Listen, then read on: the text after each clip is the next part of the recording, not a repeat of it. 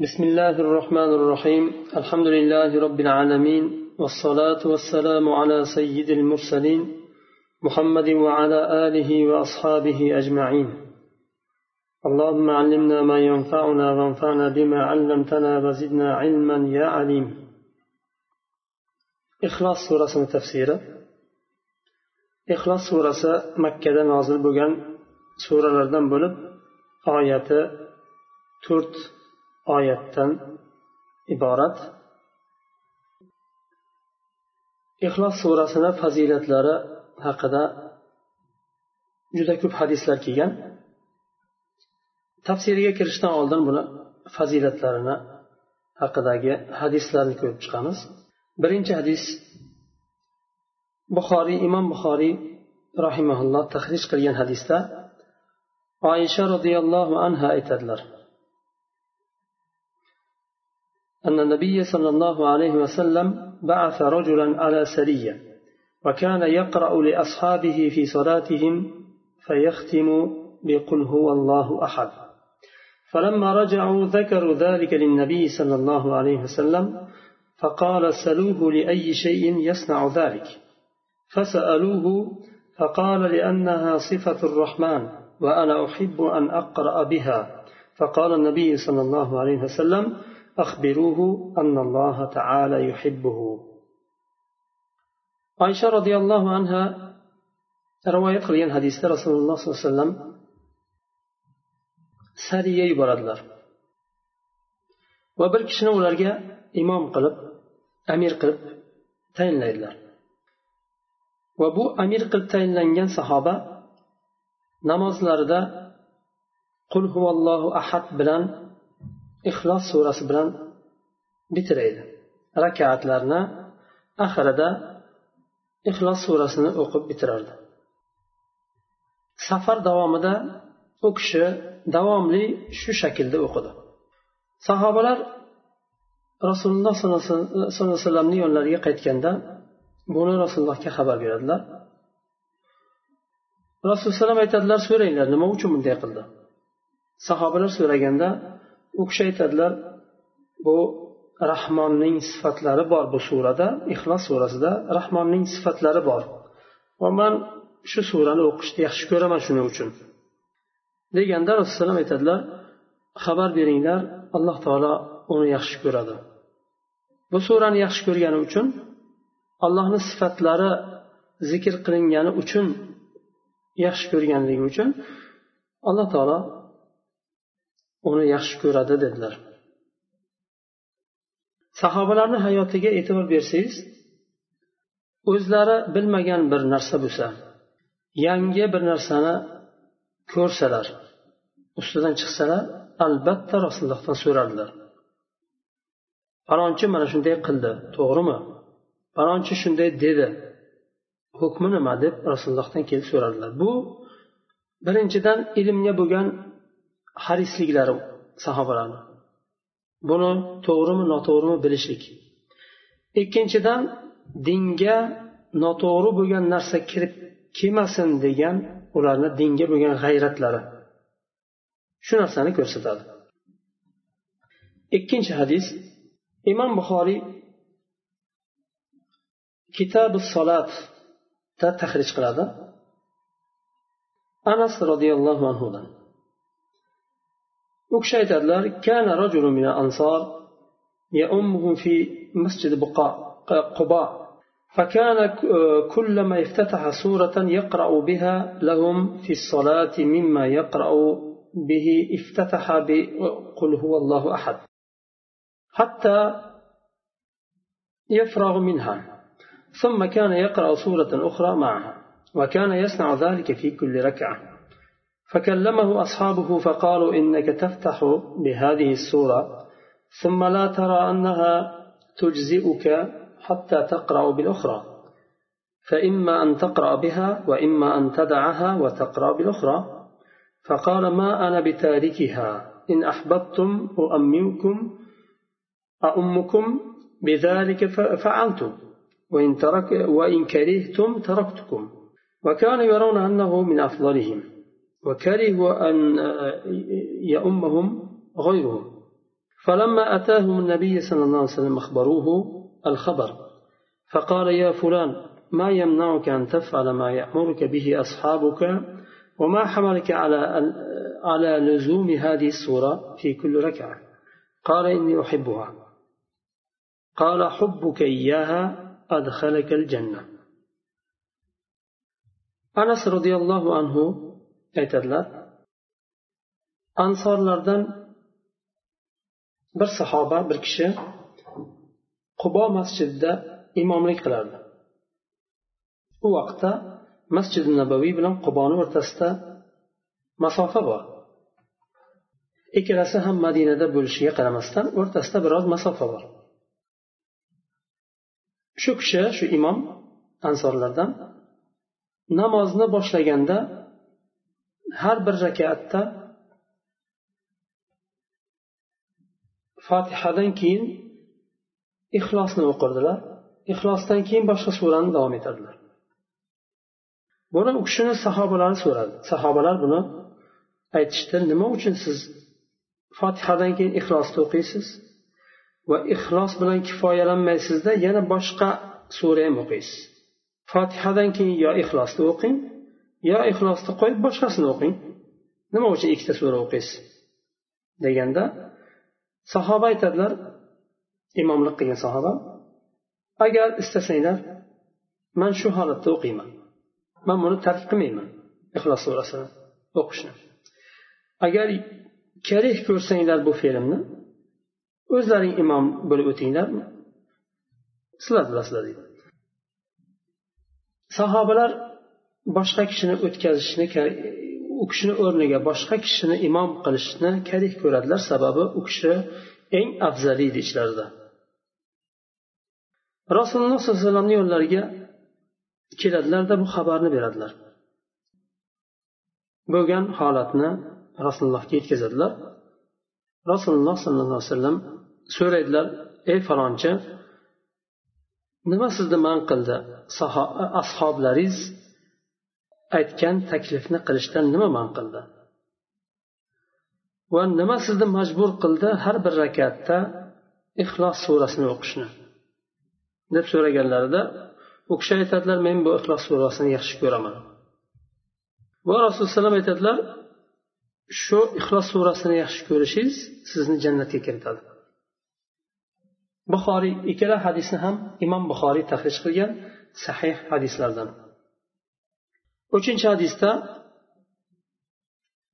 imom ahmad musnatda rivoyat qilgan bu ham anas roziyallohu anhudan جاء رجل إلى رسول الله صلى الله عليه وسلم فقال إني أحب هذه السورة قل هو الله أحد فقال رسول الله صلى الله عليه وسلم حبك إياها أدخلك الجنة bir kishi rasululloh alayhivasallamni yo'llariga kelib yo rasululloh men ixlos surasini qul huvallohu ahad surasini yaxshi ko'raman deganda shu surani yaxshi ko'rishingiz sizni jannatga kiritadi deydilar to'rtinchi hadisda imom buxoriy tahrij qilgan bu hadisni abu said roziyallohu anhudan أن رجلا سمع رجلا يقرأ قل هو الله أحد يرددها فلما أصبح جاء إلى النبي صلى الله عليه وسلم فذكر له ذلك فكأن الرجل يتقالها فقال النبي صلى الله عليه وسلم والذي نفسي بيده إنها لتعدل ثلث القرآن sahobalardan birisi boshqa birisini qul huvallohu ahad surasini ixlos surasini davomli takrorlaganini eshitadi ertalab u kishi rasululloh yonlariga keladida aytadi shunday shunday falonchi ixlos surasini qayta qayta takror takror o'qidi.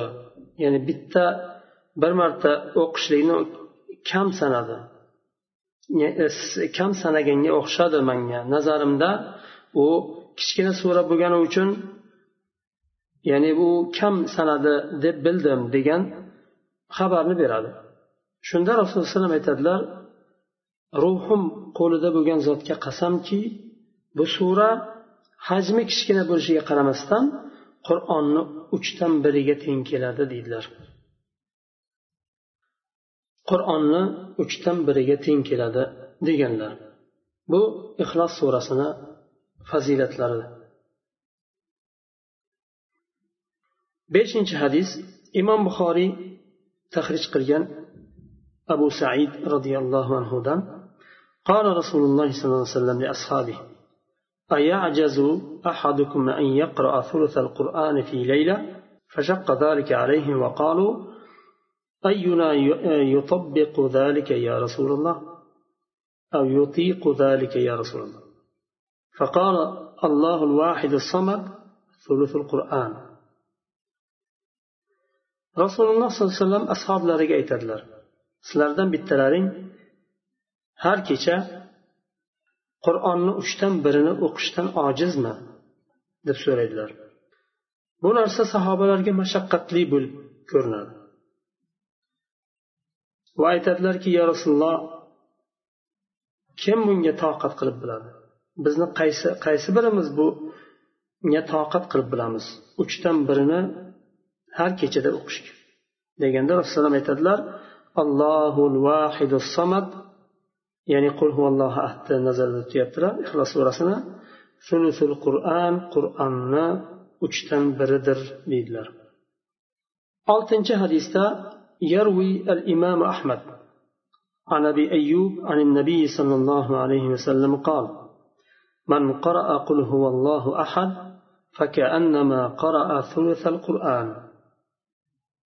إمام أحمد أبو أيوب رضي الله عنه ذنب rivoyat qilgan hadisda rasululloh aytadilar kim qul huvallohu ahadni o'qisa qur'onni uchdan birini o'qigan kabi bo'ladi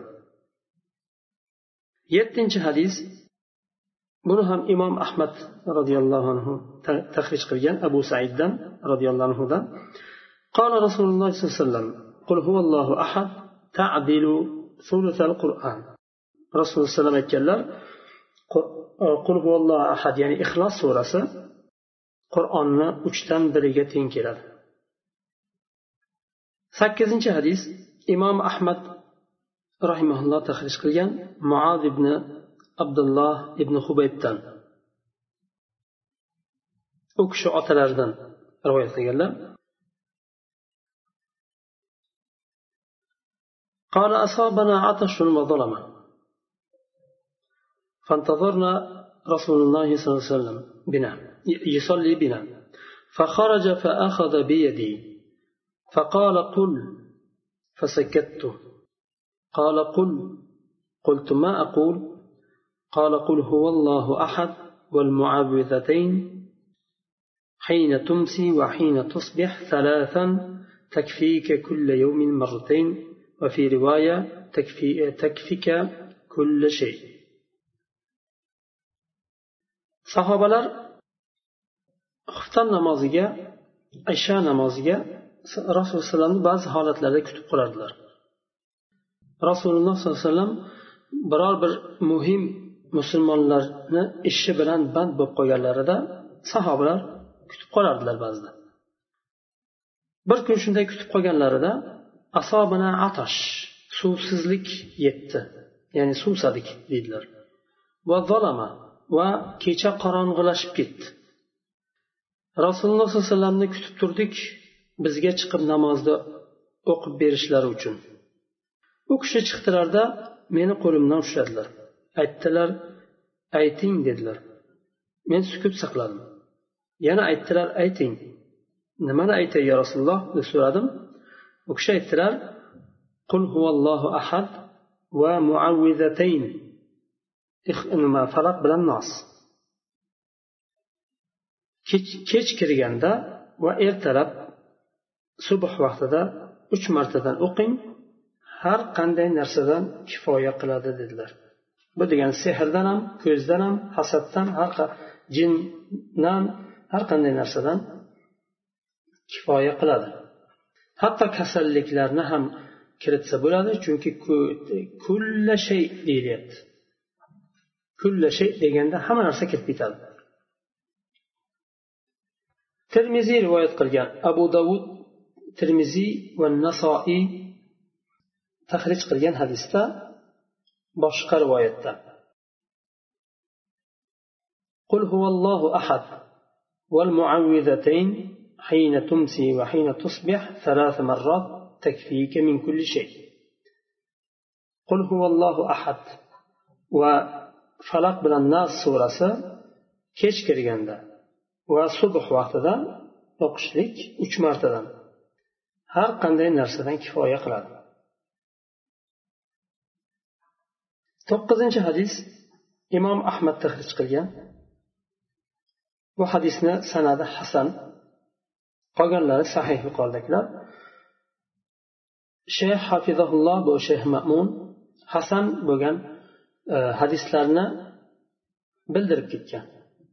Zaif hadislarni umuman olmagan keltirmagan. Sahih hadislarni to'plagan va ba'zi o'rinda hasan hadislarni ham bergan.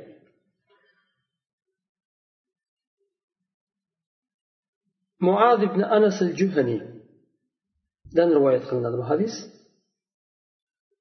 Rasululloh sollallohu alayhi vasallam aytadilar man qaraa qul huvallohu ahad. hatta yaxtimuha ashara marrat بنى الله له قصرا في الجنة كم قل هو الله أحد o'n marta o'qisa alloh taolo unga jannatda bir qasr quradi boshqa rivoyatda uy quradi jannatdan deyilgan boshqa rivoyatda keladi umar ibn hattobni so'zlari qo'shilib keladi قال فقال عمر إذا نستكثر قصورا يا رسول الله فقال رسول الله صلى الله عليه وسلم الله أكثر وأطيب umar ibn hattob roziyallohu anhu aytadilar demak jannatdagi qasrlarimizni ko'paytiramiz yo rasululloh deydi ya'ni demak ko'p o'qiymiz o'n marta emas o'nta o'nta qilib ko'paytiramiz qasrlarimiz ko'paysin jannatda deganda alloh taolo karami keng ko'proq beradigan zot siz qancha ko'p istasangiz alloh taolo undan ham ko'pini istaydi sizga imom dorimiy rivoyat qilgan tahrij qilgan hadisda said ibn musayyab rivoyat qilgan hadisni قال إن نبي الله صلى الله عليه وسلم قال من قرأ قل هو الله أحد عشر مرات بنى الله له قصرا في الجنة من قرأها عشرين مرة بنى الله له قصرين في الجنة. ومن قرأها ثلاثين مرة بنى الله له ثلاثة قصور في الجنة. فقال عمر بن الخطاب إذا نكثر قصورنا. فقال رسول الله صلى الله عليه وسلم الله أوسع من ذلك. كم؟ قل هو الله أحد أمة أقصى. الله تعالى جنة bir qasr quradi u uchun. Kim yigirma marta o'qisa alloh taolo unga ikkita qasr quradi. Kim o'ttiz marta o'qisa alloh taolo unga uchta qasr quradi jannatda.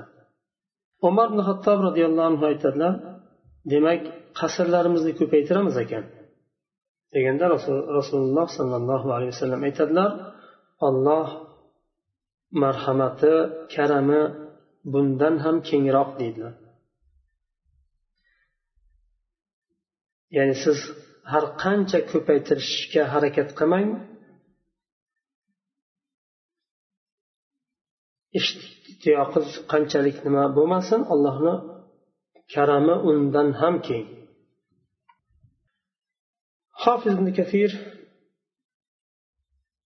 aytganlar bu hadisni said ibn musayyibdan rivoyat qilgan hadisni mursal jayyid deganlar. Ya'ni sanadi yaxshi. Bo'lgan mursal hadis. Said musayyabni hadislari ko'proq mursal hadislar e, rivoyat qilgan u kishi. U kishi abu hurayra roziyallohu anhuni kuyovlari ko'proq hadislarni abu hurayradan olganlar. Olimlar u kishini mursallarini tekshirganlarida ko'pisi aksariyati sanadi sahih bo'lib chiqqan boshqa boshqa nimalar bilan yo'llar bilan va e, ko'pisi abu hurayradan rivoyat qilgan hadislarga to'g'ri kelgan. Shuning uchun e, ko'proq hadisni u kishi abu hurayradan olgan.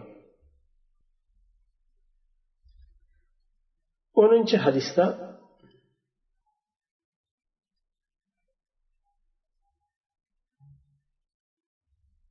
nasoiyda keladi bu hadis tahrij qilingan. Abdulloh ibn buraydani otalaridan rivoyat qilinadi. مع رسول الله صلى الله عليه وسلم إلى المسجد. فإذا رجل يصلي يدعو يقول اللهم إني أسألك بأني أشهد أن لا إله إلا أنت الأحد الصمد الذي لم يلد ولم يولد ولم يكن له كفوا أحد. قال والذي نفسي بيده لقد سأله باسم باسمه الأعظم الذي إذا سئل به أعطى وإذا دعي به أجاب. u kishi rasululloh sollallohu alayhi vasallam bilan birga masjidga kiradilar va bir kishi namozda duo qilayotgan bo'ladi duolarida shu lafzlarni ishlatadi o'sha ixlos surasida kelgan ollohni sifatlarini ishlatadi allohumma inni as'aluka بأني أشهد أن لا إله إلا أنت ey ollohim men sendan so'rayman. Guvoh bergan holda guvohlik bergan holda sendan boshqa iloh yo'qligini guvohlik bergan holda. Al ahad sen yagonasan. As somad behojatsan. Qudratli behojatsan. Allazi lam yalid va lam yulad va lam yakul lahu kufuwan ahad. Surani oxirigacha. oxirgi nimalari oyatlar. Nafsi rasululloh aytadilar ruhim qo'lida bo'lgan zotga qasamki bu kishi ollohni buyuk ismlari bilan so'radi duo qildi. Bu ismlar bilan agar olloh so'ralsa beradi duo qilinsa ijobat qiladi o'n birinchi hadisda imom buxoriy rahimaulloh tahrij qiladi. Hadisni roviysi oysha roziyallohu anha أن النبي صلى الله عليه وسلم كان إذا آوى إلى فراشه كل ليلة جمع كفيه ثم نفث فيهما وقرأ فيهما قل هو الله أحد وقل أعوذ برب الفلق وقل أعوذ برب الناس ثم يمسح بهما ما استطاع من جسده يبدأ بهما على رأسه ووجهه وما أقبل من جسده يفعل ذلك ثلاث مرات رواه أصحاب السنن أصحاب السنن من التحرج قليها oysha roziyallohu anhu aytadilar rasululloh sollallohu alayhi vasallam to'shaklarida yotishga tayyorgarlik ko'rganlarida har kechada u kishi ikki qo'llarini ikki kaftlarini jamlardilarda ixlos falaq nas suralarini o'qib dam solardilar ikki qo'llariga jasadlarni hamma yeriga surtadilar qo'llarini. Boshlaridan boshladilar undan keyin yuzlariga surtadilar undan keyin jasadlariga. Va shu narsani uch marta takrorladilar. Bu shayx e, hafizahulloh o'n bitta hadis keltirgan ixlos surasini fazilati haqida endi surani tafsiriga kiramiz بسم الله الرحمن الرحيم قل هو الله أحد الله الصمد لم يلد ولم يولد ولم يكن له كفوا أحد bu yerda allohni tavhidi alloh taolo yagona ekani alloh taolo hech bir narsaga muhtoj emasligi va azaliy va abadiy ekanligi va uni hech qanday sherigi na sifatlarida na ulug'iyatida na rububiyatida na ism va sifatlarida uni tengi yo'q ekanini isbot qilgan sura bu. Ibn jarir tobariy rahimaulloh tafsirida aytadilar mushriklar mushriklar rasululloh sollallohu alayhi vasallamdan alloh taoloni nasabini so'raydi. Aslida bu savol emas bu. So'ralinadigan narsa emas. Lekin mushriklar ekan tushunmaydi. Ular ibodat qilayotgan olihalarni nasabi bor. Lot uzzo boshqasi ular aslida qachondir odam bo'lgan tirik bo'lgan yaxshi bir insonlar bo'lgan. Ular o'lgandan keyin haykalni qo'yib ular ibodat qilgan. Allohni bular do'stlari bular orqali allohga bog'lanamiz deb e'tiqod qilishgan. Sekin sekin bu narsa olihaga aylanib ibodat qilinadigan bir ma'budga aylanib qolgan ularni tushunchasi shu narsaga yetadi xolos. Shuning uchun rasulullohdan so'ragan sollallohu alayhi vasallamdan allohni nasabini bizga tushuntirchi degan. Alloh taolo ularni savoliga javob javoban bu surani nozil qiladi. Va boshqa yana sabablari. Ba'zilar aytadi yahudlarga javob bo'lib tushgan. Yahudlar kelib aytadi alloh taolo bu xalqni yaratdi koinotdagi. Ollohni kim yaratdi? deb so'raganlarida alloh taolo bu surani nozil qiladi.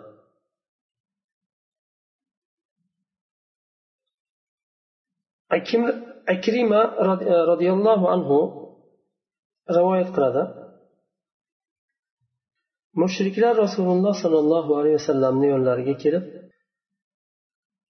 robbingiz haqida bizga xabar bering tushuntirib bering va robbingizni bir sifatlab bering bizga. Nima u? Qanday zot?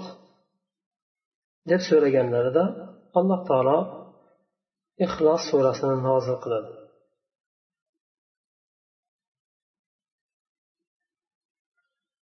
Qotada roziyallohu anhudan rivoyat qilinadi. U kishi u kishi aytadilar yahudlar kelib rasulullohdan so'raydi bizga robbingni nasabini tushuntirib ber deydi. Allohni nasabi haqida so'raydi va bu sura nozil bo'ladi.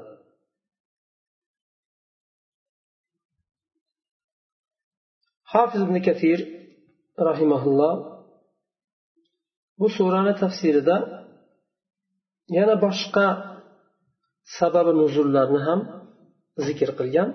Bular sababi nuzul deydi. Surani nozil bo'lish sababi. Nima uchun bu sura nozil bo'ldi? Ularni savollariga javoban nozil bo'ldi. Ibn kafir rahimaulloh aytadilar akrima roziyallohu anhu aytadilar yahudlar aytishadi biz allohni o'g'li uzayrga ibodat qilamiz deydi. Nasorolar aytadi biz allohni o'g'li masihga ibodat qilamiz.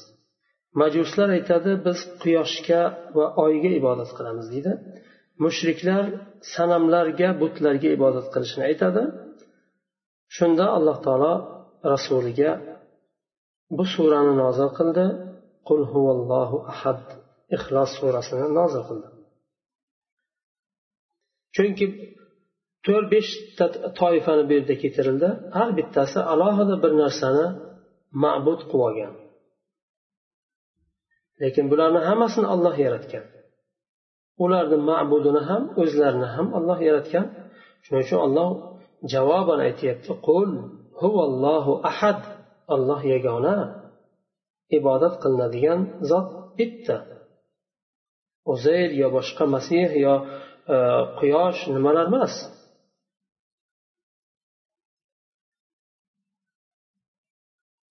Shayx mamun hafizulloh aytadilar bularni sahihrog'i bu sababi nuzul xususida kelgan bir rivoyatlarni sahihrog'i imom termiziy tahrij qilgan hadisda mushriklar rasululloh alayhi yonlariga kelib allohni nasabini bizga bildiring tushuntiring deb so'raganda bu sura nozil bo'lgan. Sahihrog'i shu deydilar lekin moni yo'q hammasi sabab hammasi hammasi bo'lib o'tgan va hammasiga javoban shu aslida ularni hammasiga ham shu sura javob bo'ladi. Lekin aynan qaysidan keyin nozil bo'lgan? Shunda ixtirof qilinishi. Nima bo'lyapti? Har xil e, ixtirof emas har xil nima keldi? Sababi nuzulni e, bildirishdi. Bu yerda eng sahihrog'i imom termiziy rivoyat qilgan hadisda kelgan qul huvallohu ahad. Alloh yagona. Yakka bo'lgandan keyin yagona bo'lgandan keyin boshqa iloh yo'q bo'lgandan keyin demak allohni o'ziga ibodat qilinadi. Ibodat qilinadigan narsa iloh bo'lishi kerak. Ulug'iyat sifati bo'lishi kerak. Ulug'iyat sifati inkor qilinyapti allohdan boshqa iloh yo'q. Demak yagona allohga ibodat qilinishi kerak. Allohu somad somadni bu yerda bir nechta tafsiri kelgan. Birinchisi sayyid sayyid degani ibn abbos roziyallohu anhu aytganlar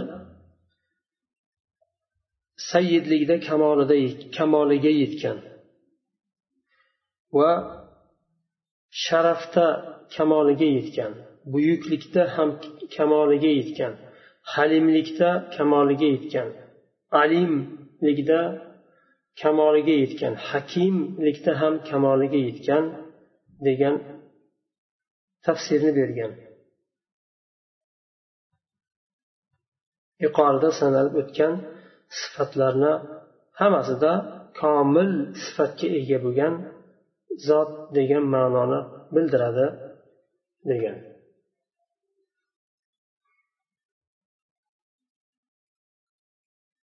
ikkinchi ma'nosi al baqiy qoluvchi abadiy qoluvchi. Qotada roziyallohu anhu aytadilar ba'da xalqihi xalqidan keyin abadiy qoladigan zotdir degan ma'no. Alloh samad.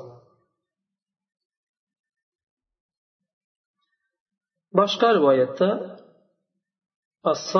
daim deganlar. Davomli qoladigan boqiy ma'nosida u ham. Uchinchi ma'nosi al hayyil qayyum.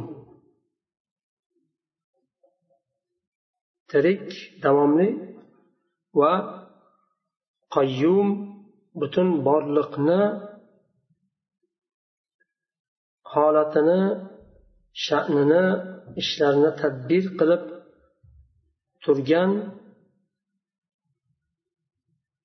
zotdir. To'rtinchisi allazi la yakulu va la yashrob to'rtinchi ma'nosi yemaydigan va ichmaydigan ya'ni yeb ichishga ehtiyoji bo'lmagan. Yeyishga ichishga ehtiyoji bo'lsa agar odam demak shu narsaga muhtoj degan ehtiyoji bor degan shu narsa yemasa ichmasa zarar yetadi yo o'ladi hayoti davom etmaydi degani alloh taolo unga muhtoj emas الصمد الذي لا يأكل الطعام ولا يشرب الشراب deganlar shabiy imom shabiy aytganlar somad taom yemaydigan va sharob ichmaydigan bularga muhtoj bo'lmagan zot Behojat bo'lgan zot beshinchisi laysa biajvaf ichida bo'shliq bo'lmagan. Insonni ichida bo'shliq bor. Bo'shliq bo'lgani uchun havo kirib chiqadi. Bo'shliq bo'lgani uchun taom sharob kirib yerlashadi. Alloh taolo u bo'shliqqa muhtoj emas va u narsa yo'q degan.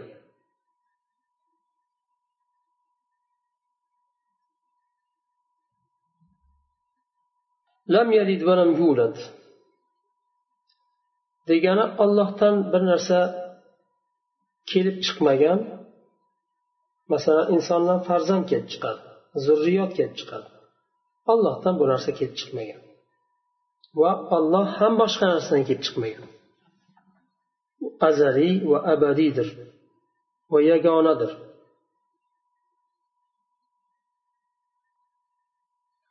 abul aliya aytadilar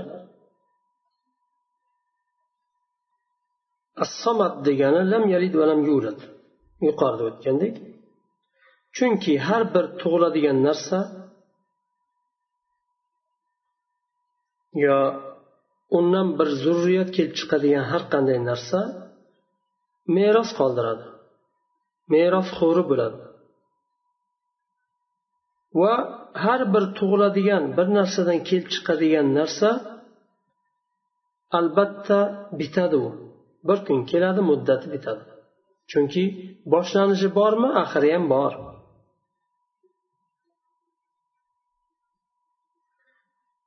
Agar zurriyat kelib chiqadigan bo'lsa demak u zurriyat meros talab qiladi meros qoldirish kerak. Ya'ni meros merosxo'r bo'ladi o'sha kelib chiqadigan narsa merosxo'r bo'ladi. Va har qanday narsa bir narsadan kelib chiqqan bo'lsa demak uni boshlanishi bor. U bir narsadan kelib chiqdi o'shandan boshlandi u. Boshlanishi bo'lgandan keyin uni oxiri ham bo'lishi kerak. Alloh taolo bu narsani inkor qildi. Ikkalasini ham inkor qildi. Bir narsadan kelib chiqishligini va undan bir narsa chiqishligini ham. Alloh taolo bir narsadan tug'ilmagan bir narsadan kelib chiqmagan hatto oxiri bu bo'lishi uchun masalan abadiy bo'lgan azaliy bo'lgan va abadiy qoladi. Yakka bo'lgan yakka qoladi. va allohdan bir narsa kelib chiqmaydi zurriyotki merosxo'r bo'lsa keyin ular hammasini ma'nosi yuqorida o'tgan nimani shu somat ma'nosi jamlaydi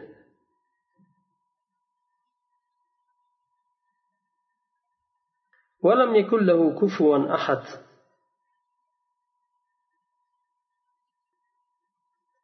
bu oyatni ham bir nechta tafsir berilgan.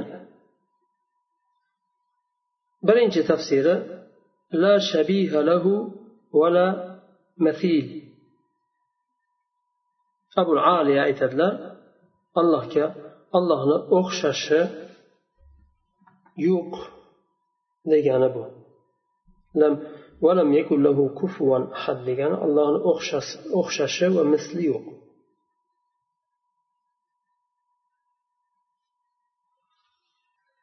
ابن عباس رضي الله عنه يتدلر ليس كمثله شيء فسبحان الله الواحد القهار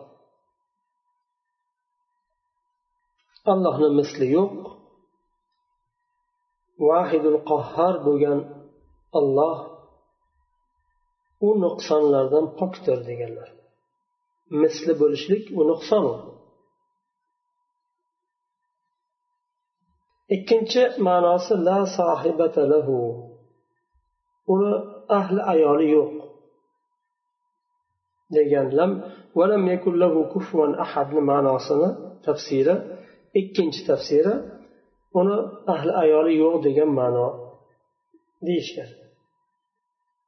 Mujahid roziyallohu anhu tobiinlardan mufassir tobiinlardan u kishi aytadilar ولم يكن له كفوا أحد يعني لا صاحبة له أهل أيالة يوق الله u nuqson insonlarga maxluqlarga xos bo'lgan bir sifat u maxluqlarni agar ahli ayoli bo'lmasa nuqson bo'ladi lekin alloh taologa aksi buni alloh taolo yakka yagona uni zurriyoti ham yo'q va sohibasi ahli ayoli ham yo'q.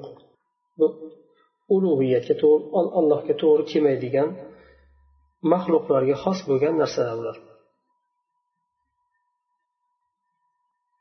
Shuning uchun alloh taolo maryam surasida aytadi ular mushriklar alloh taolo rahmanni bolasi bor dedi لقد جئتم شيئا إدا تكاد السماوات يتفطرن منه وتنشق الأرض وتخر الجبال هدا أن دعوا للرحمن ولدا kichkina narsa bo'lmaganligi uchun bu ollohni bolasi bor deyishlik yengil va kichkina bir narsa emasligini bildiradigan oyat bu. Bu so'zdan ularni aytayotgan bu so'zidan osmonlar yorilib ketishiga oz qoladi. Yerlar yorilib ketishiga ozgina qoladi.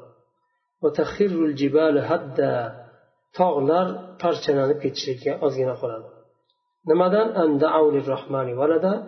Rahmanni bolasi bor degan da'volaridan bu.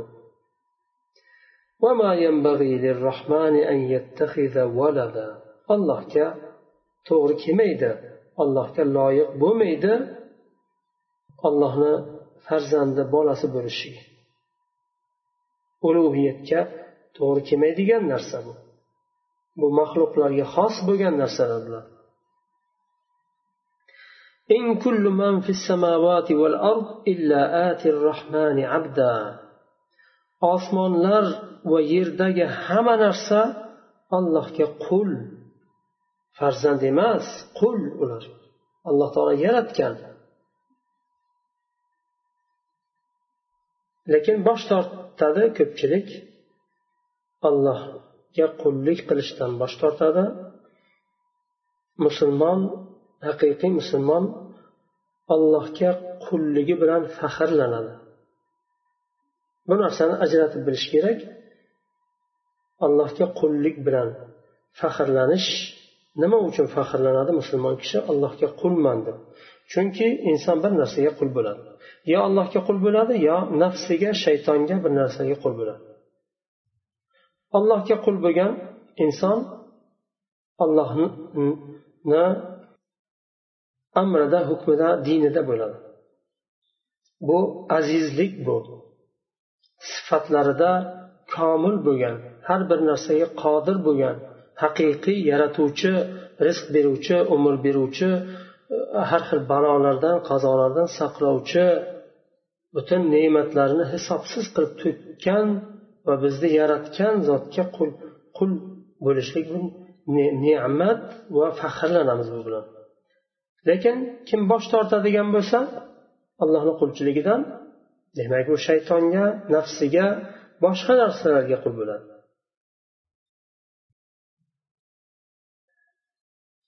imom buxoriy rahimaulloh sahihida tahrij qilgan hadisda abdulloh ibn abbos roziyallohu anhu aytadilar rasululloh sollallohu alayhi vasallam aytadilar قال الله تعالى كذبني ابن آدم كذبني ابن آدم ابن آدم ولم يكن له ذلك وشتمني ولم يكن له ذلك. وأما تكذيبه إياي فزعم أني لا أقدر أن أعيده كما كان. وأما شتمه إياي فقوله لي ولد فسبحاني أن أتخذ صاحبة أو ولدا. حديث قدسي بو رسول الله صلى الله عليه وسلم رب الأردن رواية قليبتلر imom buxoriy tahdid qilgan bu sahih hadis sanadi sahih bo'lgan hadis qudusiy rasululloh sollallohu alayhi vasallam aytadilar alloh taolo aytadi kazzabani ibn adam odam farzandi meni yolg'onga chiqardi yolg'onchiga chiqardi bunday qilishga haqqi yo'q edi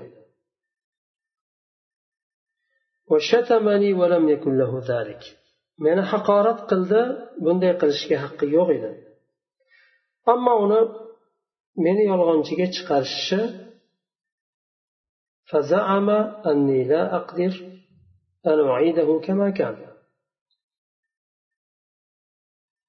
yolg'onga chiqarishi alloh taolo aytyapti men uni qanday dunyoda qanday bo'lgan bo'lsa o'sha holatida qayta tiriltirish qayta yaratishimni yaratishga qodir emasligimni davo qildi. Alloh taolo qaytarib yaratolmaydi dedi. Men yarataman alloh taolo yarataman desayu banda yaratolmaydi deyishligi yolg'onga chiqarishlik u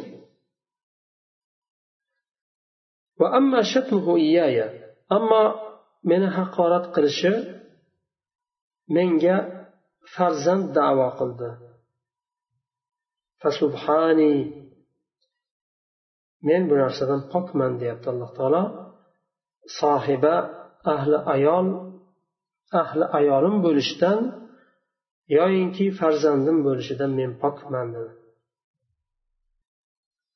allohga nisbatan bular nuqson hisoblanadi alloh taolo o'zidan bu narsalarni inkor qildi ho'p ixlos surasi shu yerda tugaydi keyingi darsda inshaalloh masad surasini tafsiri o'tamiz سبحانك اللهم وبحمدك أشهد أن لا إله إلا أنت أستغفرك وأتوب إليك